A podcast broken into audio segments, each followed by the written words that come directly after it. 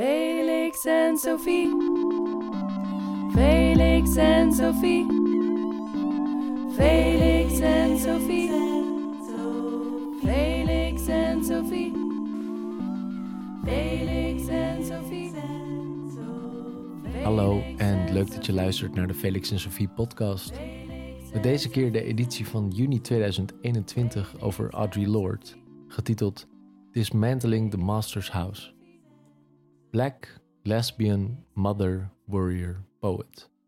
Zo omschreef dichter, schrijver, denker en feminist Audre Lorde zichzelf. Lorde zette zich in voor zwarte lesbische vrouwen en strijdde haar leven lang tegen homofobie, seksisme en racisme. Lorde had een ongekend grote invloed op het feminisme van haar tijd. Ze stelde het onderliggende racisme in de witte feministische beweging aan de kaak en stond aan de basis van intersectioneel denken, nog ver voordat die term officieel bestond. Intersectionaliteit houdt in dat verschillende vormen van onderdrukking, zoals seksisme, racisme, homofobie en klasse- en leeftijdsdiscriminatie, met elkaar verbonden zijn en ook vanuit een onderlinge verband begrepen moeten worden. Lord benadrukte bijvoorbeeld dat zij niet alleen werd onderdrukt als vrouw, maar ook als zwarte en als lesbische vrouw. Daarom pleitte Lord voor de kracht van verschil. Zo verlegde ze niet alleen de aandacht van gelijkheid naar verschil en gelijkwaardigheid, maar uit ze haar denken ook in een vorm die zich onderscheidt van de logica en ratio die overheersen in witte mannelijke context. Lords ideeën, politiek en taalgebruik vonden veel weerklank en worden ook nu weer aangehaald. Haar beroemde uitspraak The Master's Tools will never dismantle the Master's House vormt een inspiratiebron voor velen en een uitgangspunt voor decoloniale theorie en methodologie. Je gaat luisteren naar de lezing van Zuleika Bibi Shaikh, decoloniaal feminist, dichter, schrijver, yogi, activist, onderwijzer en PhD-kandidaat bij de Erasmus Universiteit in Rotterdam.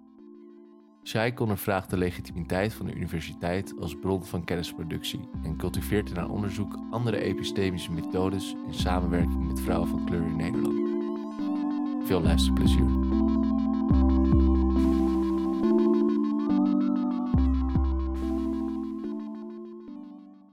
Thank you. Um, thank you, Sophie uh, and Nina, for having me here today.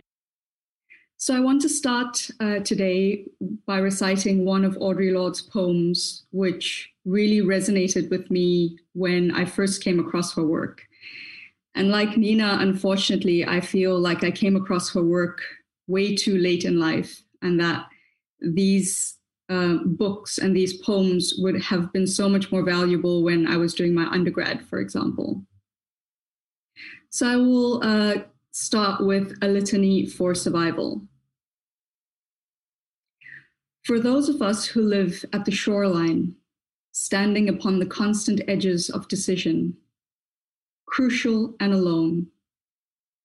For those of us who cannot indul- indulge the passing dreams of choice, who love in doorways, coming and going, in the hours between dawns, looking inward and outward, at once, before and after, seeking a now that can breed futures, like bread in our children's mouths, so their dreams will not reflect the death of ours. For those of us who are imprinted with fear, like a faint light, faint line in the center of our foreheads, learning to be afraid with our mother's milk, for by this weapon, this illusion of some safety to be found, the heavy footed hoped to silence us.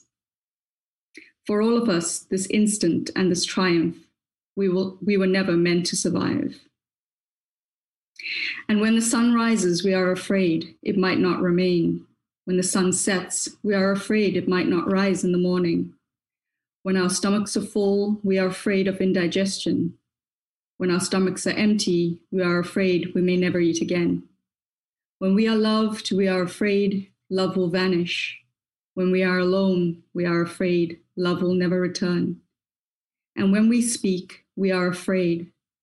Our words will not be heard nor welcomed, but when we are silent, we are still afraid. So it is better to speak, remembering we were never meant to survive.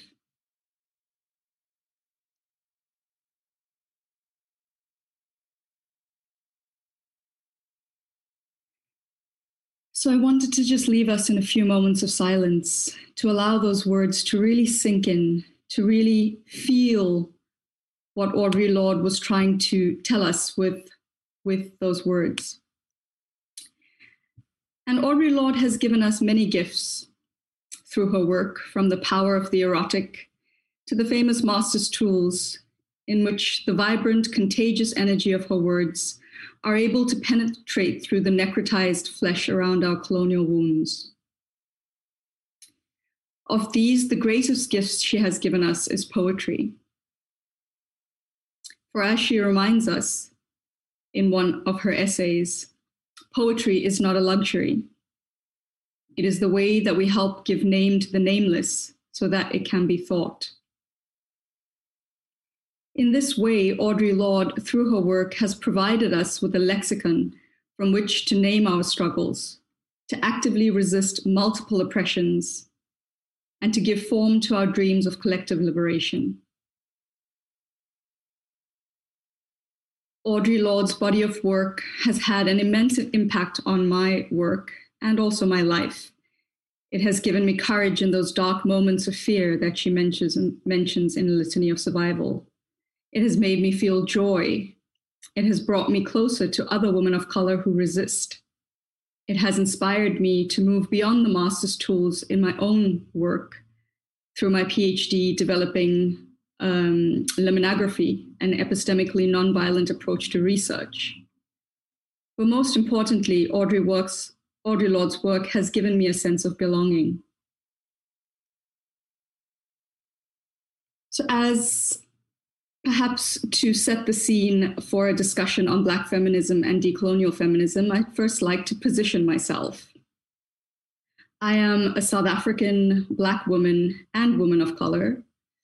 Um, I am of Indian descent through the British system of indentured labor, so similar to the indentured system in Suriname. So I am a third generation South African. And this is the entry point through which I ground all of the work that I do. And so when it comes to using Black feminism and decolonial feminism in my work, I do not see these as opposites. I see them as sisters in arms.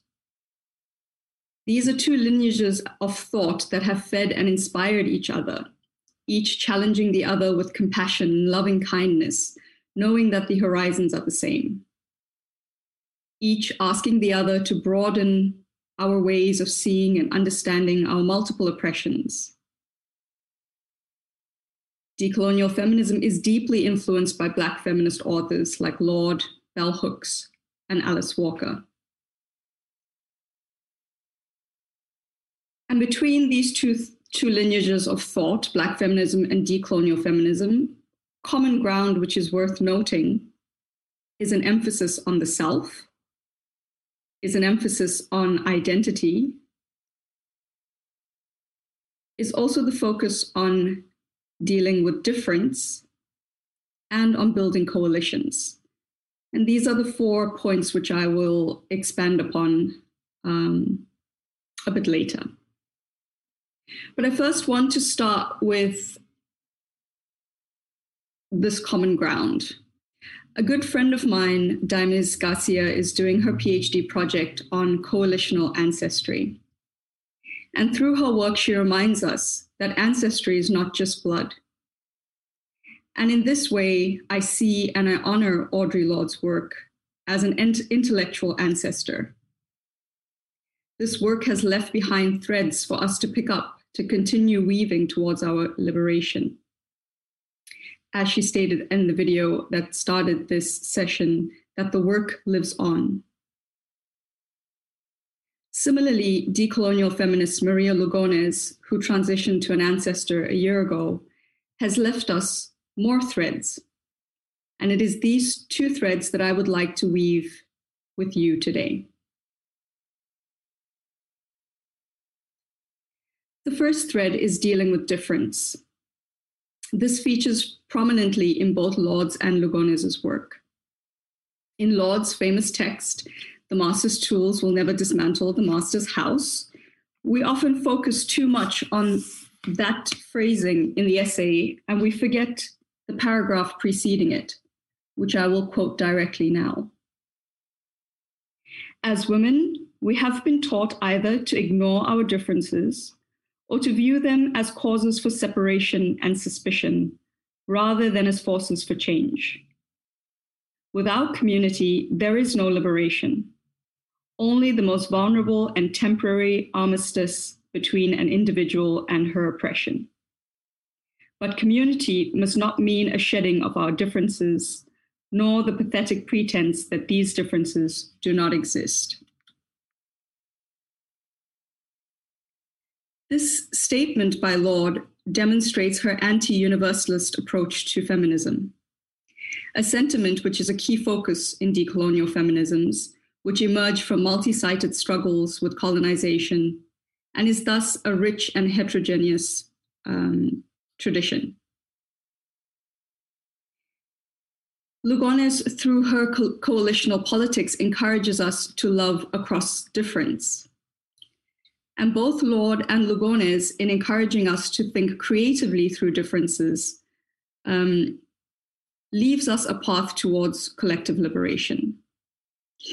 Yet, as we see with the multiple social justice struggles that are going on at the moment, and the difficulties we have in positioning ourselves and knowing when to speak and when not to, we start to see that accepting difference is not that easy.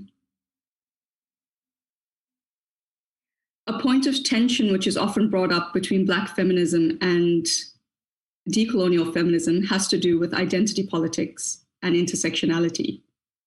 And this has particularly to do with the categorization within intersectionality.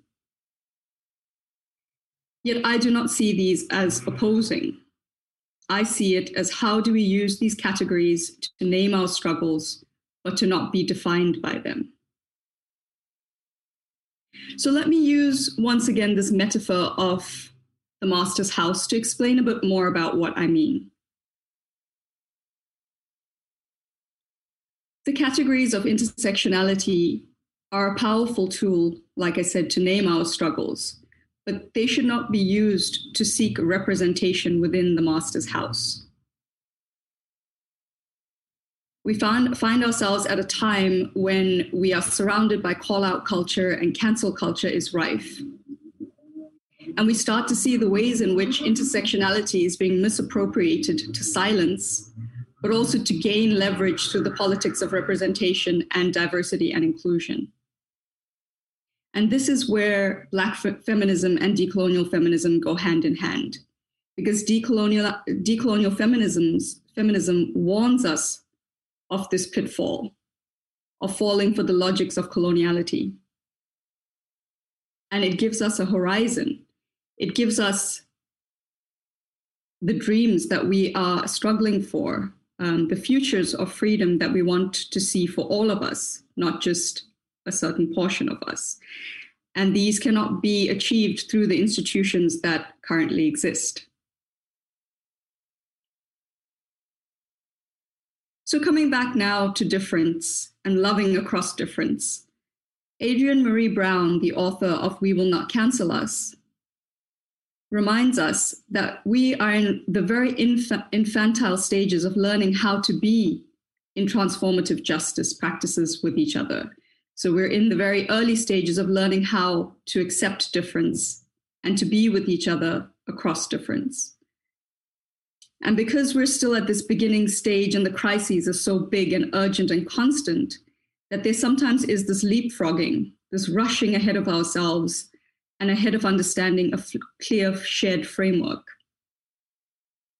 And whilst on the one hand, I do agree with Brown, on the other, I disagree in that we do have these threads left by Audre Lorde and Maria Lugones, who have resisted before us and it's up to us to take, start to take these threads and make the connections. Bringing our attention now to the self. Um, and through Audre Lorde's work, we come to, um, or I've come to take very seriously self care and self love And her work teaches us how to love ourselves in these black and brown bodies and how to build boundaries for ourselves and to have a respect for ourselves.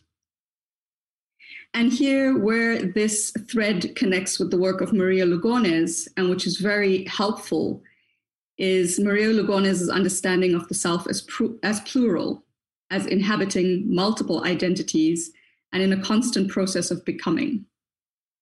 And so here, all of the things that Audre Lorde mentions of being a poet and a warrior and a mother, all of these things can exist in one being at the same time. And these are the pathways that allow us to decolonize ourselves, to move away from a self that is modern and individualistic and competitive, and allows us to create space and ground to start to accept difference and accept difference not just in others, but in ourselves. Or Audre Lorde reminds us that, and I want to pull the exact quote, so if you give me a moment, I just want to find it. She says that only by learning to live in harmony with your contradictions can you keep it all afloat. And this is a beautiful way for, for us to, to start to see the way that these two bodies of work are connecting and interlinking. They may not be using the same words, but the kinds of relationships they're talking about, the relationships with self, are hinting at the same thing. And they're hinting at the fact that this modern colonial individual subject is not the subject through which we will be liberated. Um, and lastly, I think I want to bring all of these different threads together. So the, the idea of the self and intersectionality and identity, and importantly, difference is how do we start to build coalition? And key to decolonial feminist thinking is a coalitional politics. This work is not easy. Um, and I mm-hmm. think that these beautiful threads that Audre Lorde has left us and Maria Lugones has left us are just the starting points for us to do the hard work on ourselves so that we may enter in community and so that we may be able to accept difference without trying to change or cancel or cause harm through calling out. So, lastly, I'd like to close with still the same metaphor of the master's house and start to encourage you to take more seriously this quote. And I will read it out now. The master's tools will never dismantle the master's house. What does it mean when the tools of a racist patriarchy are used to examine the fruits of that same patriarchy?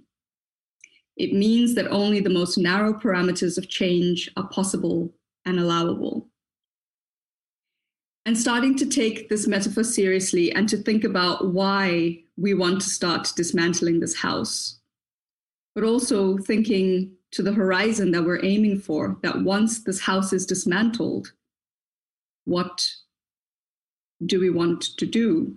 And for me, dismantling the master's house is about getting to the rich, dark soil that's beneath so that we can plant our seeds of hope and courage. Thank you.